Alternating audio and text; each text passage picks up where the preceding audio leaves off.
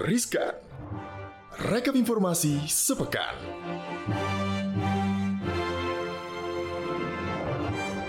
Hai Sobat Cuan Hai, hai. Apa kabar? Baik dong. Kalau- Kalau udah dengar suara kita berdua berarti sudah ada di Riskan Rekap informasi sepekan. Seperti biasa Maria Katarina dan juga Angel Valentina. Siap buat kasih Sobat Cuan rekap Jadi nggak usah repot-repot kali ya Betul. baca Terus nggak usah repot-repot nyari Ada apa sih yang seru di pekan ini Cukup dengerin Riskan ya Ya, bisa sambil ngapa-ngapain lagi. Bener, cukup setel aja ya. Kalau misalnya suara kita agak terlalu cempreng ya kecilin aja mungkin volume Spotify-nya ya. Tapi ini ada yang menggembirakan, kemudian ada yang uh, menarik, ada yang seru-seru, terutama nih mengenai gelaran MotoGP yang Bener. digelar di Mandalika. Yes, ini setelah sekian tahun ya. Sekian puluh tahun Sekian gitu. puluh tahun, benar. Jadi Pak Jokowi ini happy ngomongin soal potensi RI yang bisa raup cuan sampai 500M dari MotoGP ini. Oh, wow, Kalau yang- ya. Iya, kalau yang kita tahu kan Presiden Joko Widodo nih menggelar audiensi ya dengan para pembalap MotoGP yang akan berlaga di sirkuit Pertamina Mandalika Lombok NTB pada 18 sampai 20 Maret 2022 mendatang. Yes. Sekitar 20 pembalap ini diterima Pak Jokowi di Istana Merdeka dan melanjutkan parade di jalan protokol sekitar istana nih pada hari Rabu kemarin. Hmm, kayak rame ya. Ih, rame banget. Nah, sebelumnya para pembalap ini bertemu dengan Presiden Jokowi ini lengkap dengan mengenakan kostum balap ya untuk masuk ke istana. Ada juga sih di Instagram Pak Jokowi nih ya. Yes, ada foto-fotonya ya. Selain para pembalap, CEO Dorna Camelo Espeleta, kemudian ada Ketua MPR nih Bambang Susatyo dan Menteri BUMN Erick Thohir juga ada nih di istana. Hmm, Benar. kapan Pan- lagi ya Iya, ketemu? Ini kan balapan MotoGP Mandalika ini merupakan tanda kembalinya Indonesia sebagai salah satu tuan rumah balapan Grand Prix setelah 25 tahun. Terakhir kali Indonesia ini jadi tuan rumah balapan Grand Prix ini adalah pada tahun 1997 saat balapan berlangsung di sirkuit Sentul. Bahkan nih Hmm, Mark. Marquez, Mhm. Mark Oh, Mark Marquez ini ah. bilang katanya Pak Jokowi ini ini sangat eh, presiden yang sangat penting karena eh, dia ini peduli sama dan dia cinta gitu sama eh, MotoGP karena setelah 25 tahun akhirnya kembali diadakan gitu. Oh, Jokowi juga mengaku katanya bangga lantaran kini Indonesia sudah memiliki sirkuit motor bertaraf internasional dan dapat disandingkan dengan sirkuit balapan negara lainnya. Wah. Selain itu Jokowi juga ngaku senang katanya nih Jel Mm-mm. karena lantaran target tiket penjualan sirkuit Mandalika untuk pagelaran seri MotoGP ludes terjual ya. Jokowi juga kemudian berbicara mengenai keuntungan dari pagelaran MotoGP yang diperkirakan bisa mencapai 500 M. Meski demikian, hal tersebut masih belum dipastikan. Jadi mungkin hitung-hitungan lagi di ujung kali iya, ya. nanti setelah selesai baru bisa dihitung-hitung nih ya untungnya Mhm. berapa ya semoga lebih ya Pak Amin. biar happy-nya makin happy Amin. Mudahan mudah-mudahan juga nanti pagelaran serupa mungkin bisa diadakan di situ Benar. terus. Yang paling penting kan bisa nambah terus devisa negara kan Yes. pastinya ya. tentunya Oke, dari Mandalika kita ke eh, naik Gojek. naik Gojek Beli ke mana? apa? ini juga happy kak soalnya iya. beritanya ya kan Eh, rilis prospektus tapi Mm-mm. sobat cuan harus lihat nih ada enam fakta paling menarik dari IPO Goto gitu iya, ya. Gojek Tokopedia ya udah Iya. tahu kan ya sobat cuan. Apa nih yang eh, menarik nih Jal? Jadi kan PT Goto Goto Goto Goto Go- Goto. Goto ya, Mm. PT Goto Gojek Tokopedia ini akhirnya merilis ringkasan prospektus penawaran umum perdana saham atau initial public offering atau IPO. Namun ada sejumlah fakta yang penting di balik IPO tersebut. Yes. Yang pertama itu Goto akan merilis 52 miliar lembar saham baru seri A saat IPO nanti, yang setara dengan 4,35 persen dari modal ditempatkan dan disetor penuh oleh perusahaan. Kedua, beli satu saham ini dapat tiga perusahaan Yes. dengan rentang harga dari 316 sampai 346 rupiah per unit. Investor ini dapat tiga perusahaan yaitu Gojek, Tokopedia, dan Goto Finansial. Hmm, yang ketiga nih ya, Goto mencatatkan pertumbuhan nilai transaksi bruto atau GTV positif ternyata selama tiga tahun terakhir dan membukukan lebih dari 414 triliun rupiah transaksi pada 12 bulan yang berakhir 30 September 2021 serta melibatkan lebih dari 55 juta konsumen yang bertransaksi dalam periode satu tahun tersebut. Oh. Keempat, ya. Mm-mm. Goto memiliki opsi nih untuk menerapkan skema stabilisasi harga saham yang dikenal dengan skema green shoe. Tujuan dari skema green shoe tentunya untuk stabilitas harga ya. Apabila yang diperdagangkan di bawah harga IPO nih ada yang jagain ya. Dan totalnya sih kurang lebih sekitar 7,8 miliar untuk menjaga mekanisme supaya tidak harga. seperti yang sebelumnya ya. Mm-mm. gitu Jadi sebenarnya kalau punya di harga-harga awal sih nggak apa-apa kan karena Mm-mm, dijagain ya. Benar. Kemudian yang kelima itu IPO bukan exit strategi. Jadi para pemegang saham existing ini akan dilarang untuk menjual atau memindah tangankan saham Goto yang dimilikinya antara 8 bulan sampai dengan 2 tahun. Ini bergantung pada klasifikasi saham yang dimilikinya. Kemudian Mm-mm. keenam, penawaran internasional. Jadi selain akan tercatat di BEI, Goto juga berencana go internasional Ya, dengan mencatatkan wow. saham di Bursa New York dan lainnya. Keren sih Keren dengan target banget. dana 17,9 triliun ya. Aksi korporasi ini akan membawa Goto jadi emiten keempat terbesar di Bursa Efek Indonesia dengan valuasi mencapai 414 triliun rupiah. Kayaknya sih lebih matang ya Angel kalau kita Yes. bandingin sama Yang IPO sebelumnya, ya. Ini kayaknya lebih eh, as apa namanya jaring pengamannya banyak ya. Banyak eh, Dijagain udah di- lah, ya. terus kemudian di udah lock diantisipasi Ya, sebelumnya. Bukan exit sekarang bukan exit strategi jadi di lock sampai dengan 2 tahun, 8 sampai 2 tahun.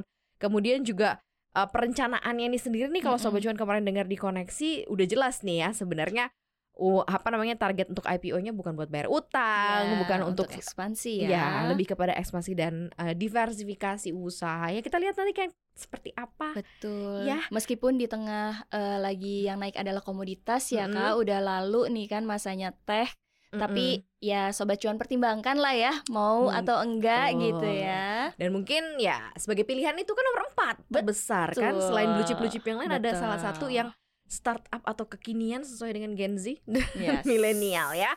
Apalagi nih Jel kita yang ketiga kok kayak baru baca gue langsung gemes ya karena Gemes ada ya. yang naik nih PPN eh, barang-barang yang akan makin mahal. Udah mahal belum nih sekarang harganya? Sekarang kan udah mahal nih, Mm-mm. tapi nanti per April katanya PPN jadi 11%. Ini bakal bikin barang yang udah mahal jadi makin mahal. Hmm. Jadi kurang dari dua pekan tarif baru pajak pertambahan nilai atau PPN akan berlaku di mana tarif PPN ini akan naik menjadi 11% dimulai pada 1 April 2022. Jadi ibu-ibu, ayo kencangkan ikat pinggang. naik lagi nih PPN 1% Bu Ibu. Aduh, ya. Kebijakan ini sudah tertuang ternyata di Undang-Undang Nomor 7 Tahun 2021 tentang harmonisasi peraturan perpajakan. Di Belit itu ditetapkan PPN naik dari 10 sampai 11 mulai bulan depan dan 15% mulai 1 Januari 2025. Wow, jauh banget. Gils. Setahun 4%. Iya. Duh, duh, duh, duh, duh, duh. Oke, baca deh Jel. Gue gak kuat. Karena naik-naik ini pusing masuk. Adapun tarif PPN yang telah ditetapkan pemerintah sejak beberapa tahun lalu hingga hari ini kan sebesar 10% ya.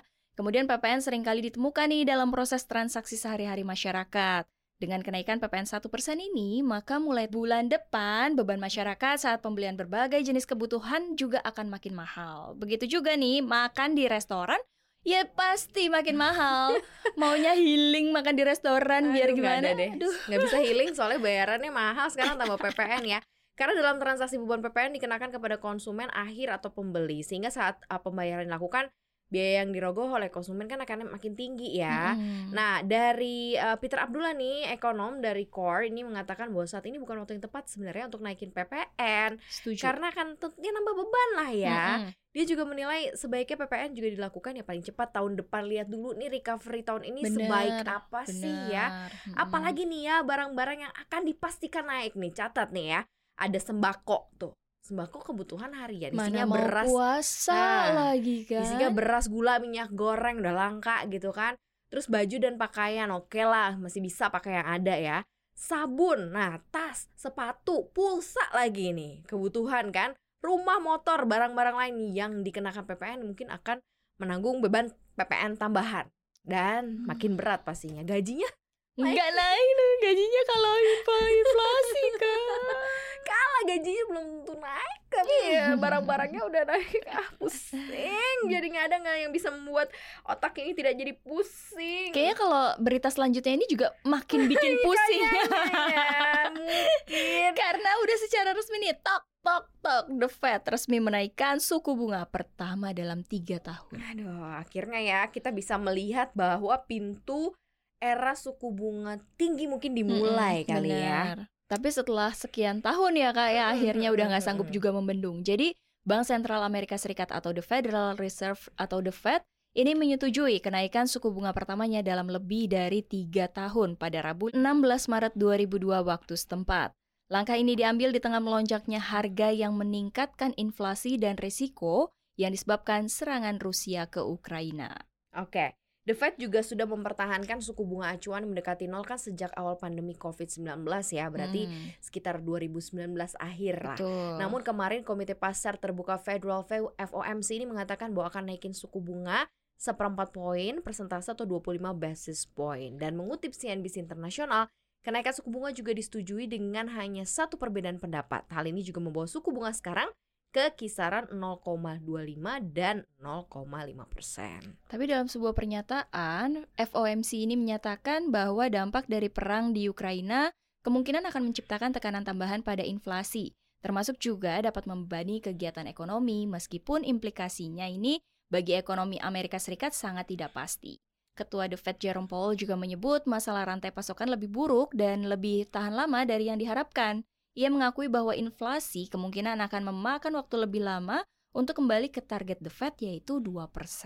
Ya, FOMC juga merilis proyeksi ekonomi ya di 2022 ini dengan perkiraan pertumbuhan mencapai 2,8 dari 4% di Desember lalu. Oke. Semangat ya Kayaknya uangnya. sih akan nyambung juga nih ke BI 7 Days Reverse Repo Rate oh, yang iya, juga bener. naik ya. Karena ya biasa deh kan selalu uh, berkesinambungan. berkesinambungan apa yang dilakukan oleh pemerintah Amerika Serikat, Jerome Powell dan tim begitu ya dengan uh, Bank Indonesia. Ya udahlah ya. ya. Udah ya, dari okay. Amerika kita beralih aja lah nih ke Korea Selatan. Oke, okay, kita nggak naik ojek lagi, nggak?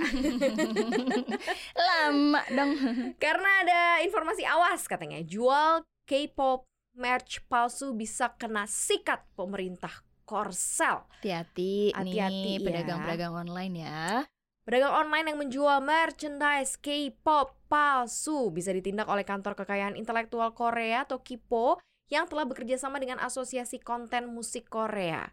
Mengutip Korea Herald selama 2020, KMCA dan KIPO sudah menangani 8.000 kasus penjualan online ilegal yang berkaitan dengan merchandise K-pop.